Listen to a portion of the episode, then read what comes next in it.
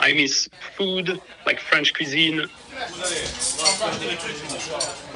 and also just walking in the streets of a, of a big city like Paris, where I was born.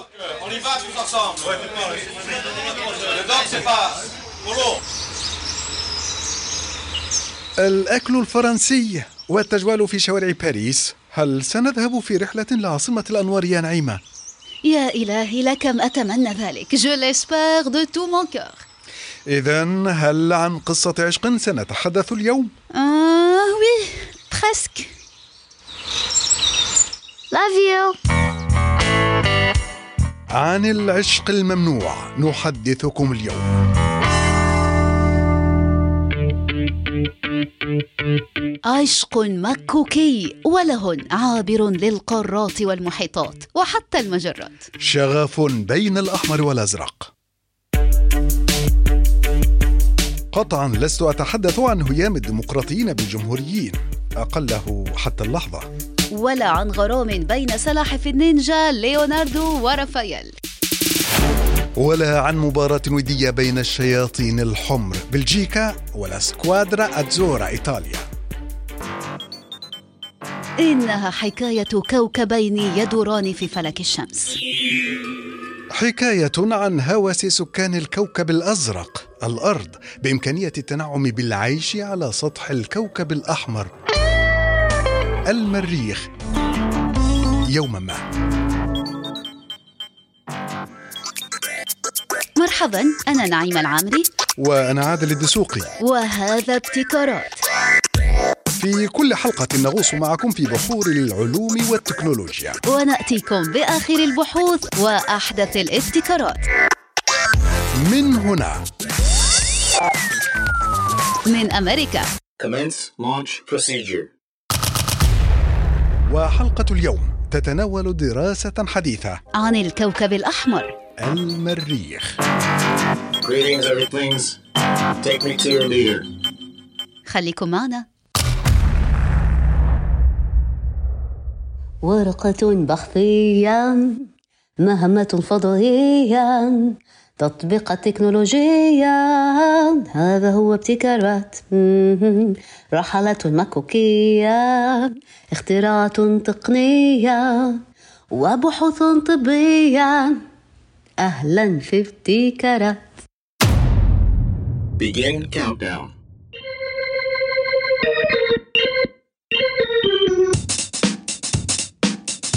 شغف سكان الأرض البشر بالفضاء عموما والمريخ خصوصا تجلى على سبيل المثال في أفلام الخيال العلمي. من؟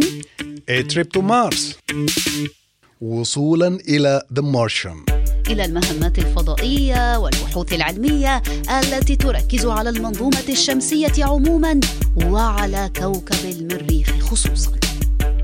So yeah, we have more and more space missions going to explore the solar system, which is great. We are currently using the largest telescopes ever made, so we have amazing images, and we have learned a lot in the, in the recent past about the solar system and also our place in the universe. What What's happening? من المتحدث صوت الحكمة So my name is uh, Adrien Broquet, A postdoc research assistant, and I'm working at the Lunar and Planetary Laboratory of the University of Arizona. Wow.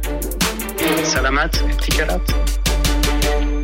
سلامات يا أدريان سلامات يا أدريان من آخر البحوث التي اهتمت بالكوكب الأحمر دراسة علمية حديثة أشرف عليها أدريان بروكي الباحث الفرنسي في جامعة أريزونا الأمريكية سلطت الضوء على اكتشاف جديد غير متوقع لمسببات النشاط الزلزالي الذي رصده مسبار إنسايت التابع لوكالة ناسا في السنوات الماضية When InSight landed, we also detected an enormous amount of Marsquake coming from that region. A Marsquake is just an earthquake happening on, on Mars. لقد اكتشفوا أعمدة هائلة من الصهارة المتصاعدة من جوف الكوكب وصولا إلى قشرة السطح So mantle plume is like warm rock coming from deep inside the planet that rise because they are hotter than the surrounding. It's just going to buoyantly uh, float in the mantle. So it's going to rise until you reach the base of the crust, and this is what we call a mantle plume.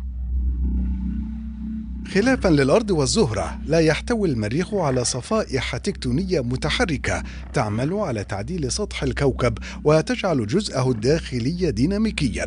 لذلك اعتقد العلماء أنه كوكب ميت جيولوجيا إذ لم يحدث الكثير في الثلاثة مليارات سنة الماضية. the geologic history of Mars has always been viewed as something fairly simple compared to, to the Earth, where you have so in the on the on Earth you have like plate tectonics, you have constant dynamic, and you have uh, the plates that move, the plates that go underground. كذلك الامر بالنسبه لاعمده الوشاح هذه او اعمده الصهره فهي موجوده في كوكب الارض بيد أن العلماء استبعدوا في السابق وجودها في المريخ لصغر حجم الكوكب نسبياً. almost everyone believed that the volcanic activity drastically decreased over time and that today the planet should have almost no volcanism. And the very little volcanism that may have been found before was usually associated to just passive processes on a cooling planet. So nothing like dynamic like we have on Earth. Really?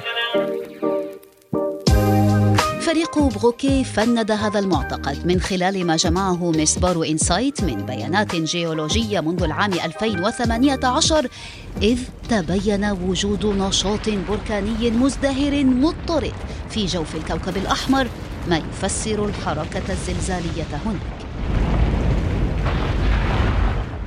we had evidence of volcanism in a region called Elysium Planitia that is honestly not particular. It has no volcano, it is not a province that has been active in the past. So, for engineering reasons, we wanted to land on a very nice and flat surface that was close to the equator. And because we were to deploy a very sensitive seismometer, it was not an issue if we landed in a region that had no activity.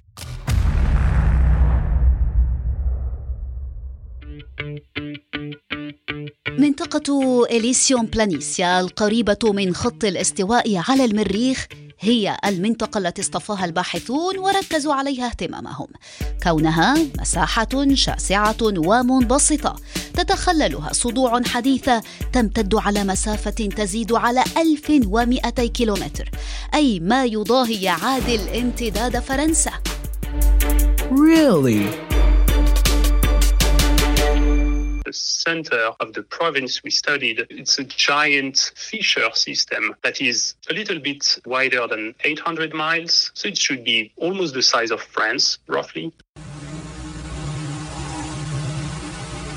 يتكون كوكب المريخ من الصخور والأخاديد والبراكين والحفر موجودة في كل مكان بالإضافة إلى الغبار الأحمر الذي يغطي كل الكوكب تقريباً Shortly after the planet formed, about four to three billion years ago, there was a tremendous amount of volcanism. And this volcanism we can see today because the volcanism back then formed the tallest volcanoes of the solar system, where you have, for example, the Olympus Mons. So this is a testimony that the planet has had very intense volcanic activity. أعلى بركان في المجموعة الشمسية موجود على المريخ ويدعى بركان جبل أوليمبوس مونس ويبلغ ارتفاعه أكثر من 21 كيلومترا فوق سطح المريخ. Oh my god. يا إلهي وبالتالي فإن ارتفاعه يتعدى ارتفاع قمة جبل إيفرست بثلاث مرات تقريبا. فعلا يا عادل وهو كذلك. جميل لكن أين تكمن أهمية هذا الاكتشاف بمعنى آخر ما الاختراق العلمي المحرز باكتشافنا لأعمدة الصهارة هذه Excellent! right on! Know that there is water ice at present day in the crust of Mars. And in order to turn water ice into liquid water, we need heat. So I would say that the discovery of active volcanism and also this mantle plume has implication for astrobiology on Mars today.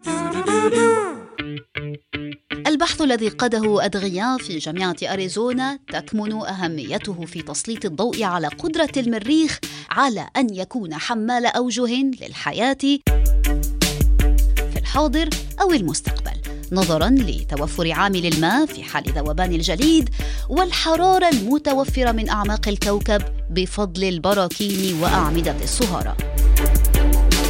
فعلا التراب والهواء موجودان. ونظريا لإيجاد الحياة سنحتاج أيضا لعنصري الماء والنار.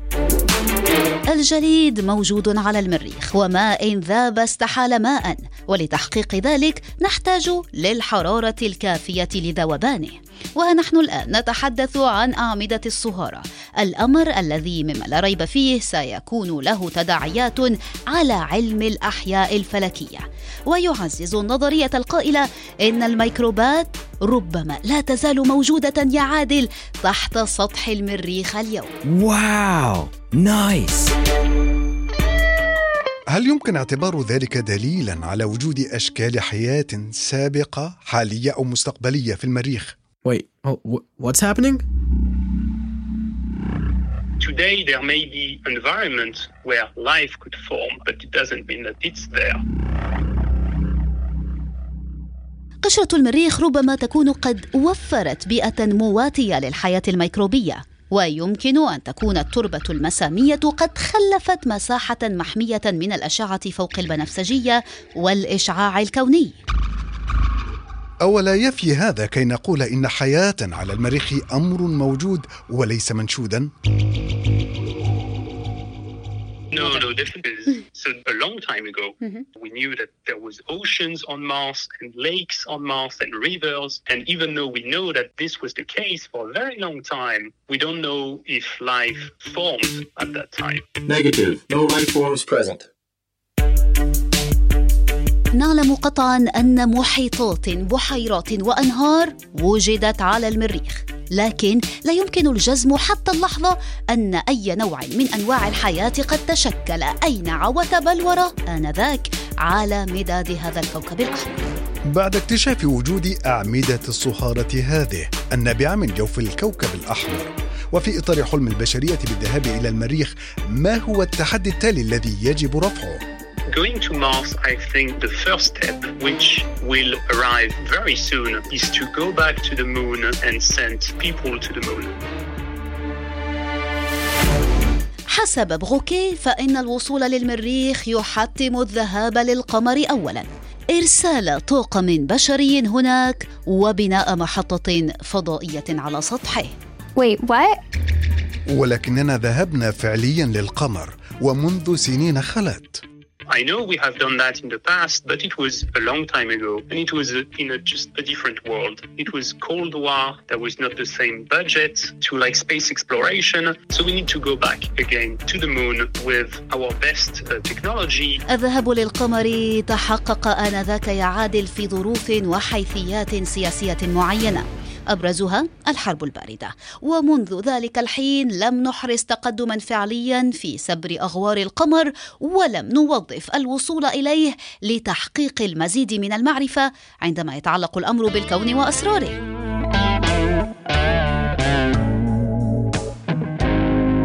اذا ما الذي يمكن أن نصبو إليه ونحققه فعليا على القمر؟ كي يتسنى لنا يوما ما إعمار المريخ. First, go to the moon and prove that we can build a base there and have some safe base where astronauts can just do science and whatever they want. أدغيان بروكي شدد على أهمية إنشاء قاعدة هناك تخول لرواد الفضاء والعلماء إجراء تجاربهم والمضي قدما في أبحاثهم المتعلقة بالمريخ خصوصا وبالكون عموما فعلا يا نعيمة حتى إن وكالة ناسا الأمريكية كانت قد أعلنت منذ فترة ليست بالبعيدة عن اعتزامها التعاون مع شركاء تجاريين ودوليين في إطار برنامج ارتيمس لتأسيس أول وجود طويل الأمد على سطح القمر وأنها ستوظف النتائج المستخلصة من تجربتها في استكشاف القمر لإرسال أول رواد فضاء إلى المريخ.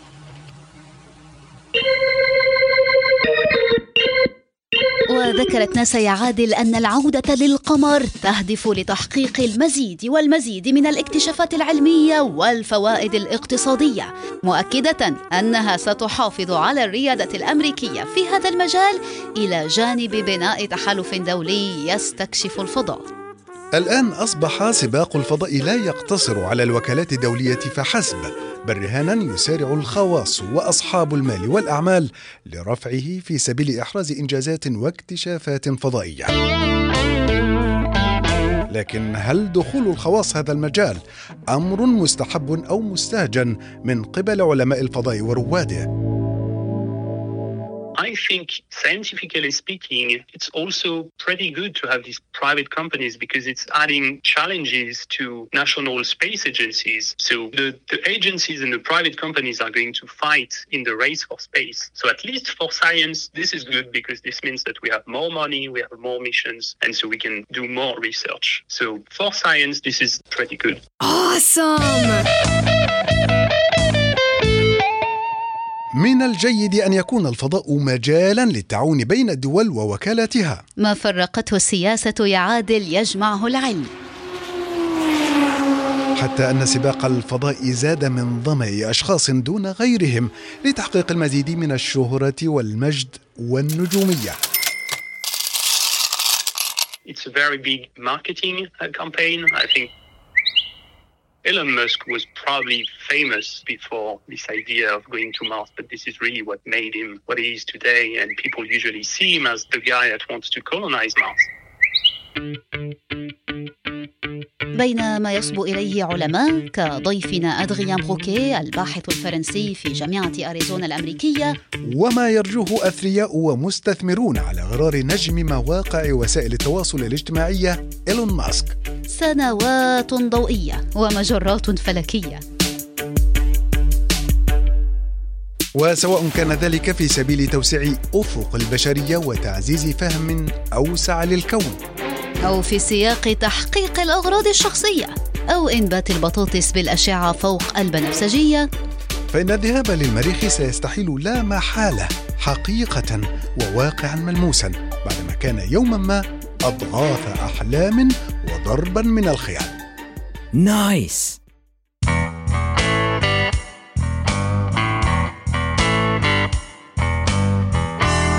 استكشاف أم استثمار حب أفلاطوني أو حب مصلحة؟ ذاك هو السؤال يا عادل. أقله حتى اللحظة. سأعتمد ما قاله الكاتب الأمريكي وعالم الفضاء والأحياء الفلكية كارل سيغن فلندع المريخ للمريخيين حتى وإن كانوا محض ميكروبات. ابتكارات. بودكاست من إنتاج سوا. يأتيكم على Google Play سوا dot com Spotify SoundCloud و Apple Podcasts. كنا معكم أنا نعيمة العامري. وأنا عادل الدسوقي. إلى أن يتجدد اللقاء معكم في رحلة جديدة من ابتكارات. لكم منا. سلامات, سلامات. Wait, stop! Wait! يلا شغل لي اعمل لي record أنا عم تقريبا اديها كذا واحدة. هو فين البتاع الصوت؟ وما فيش فيه صوت. عشان اعيش الدور عشان أ... لا لا خلاص لا لا لا لا, لا خلاص بس. هيدا تاني؟ يلا. بلجيكا ولا سكادورا أزورا إيطاليا. وات والله العظيم لا عايزين نشتغل. يلا. تن تن. تن تن. End of transmission.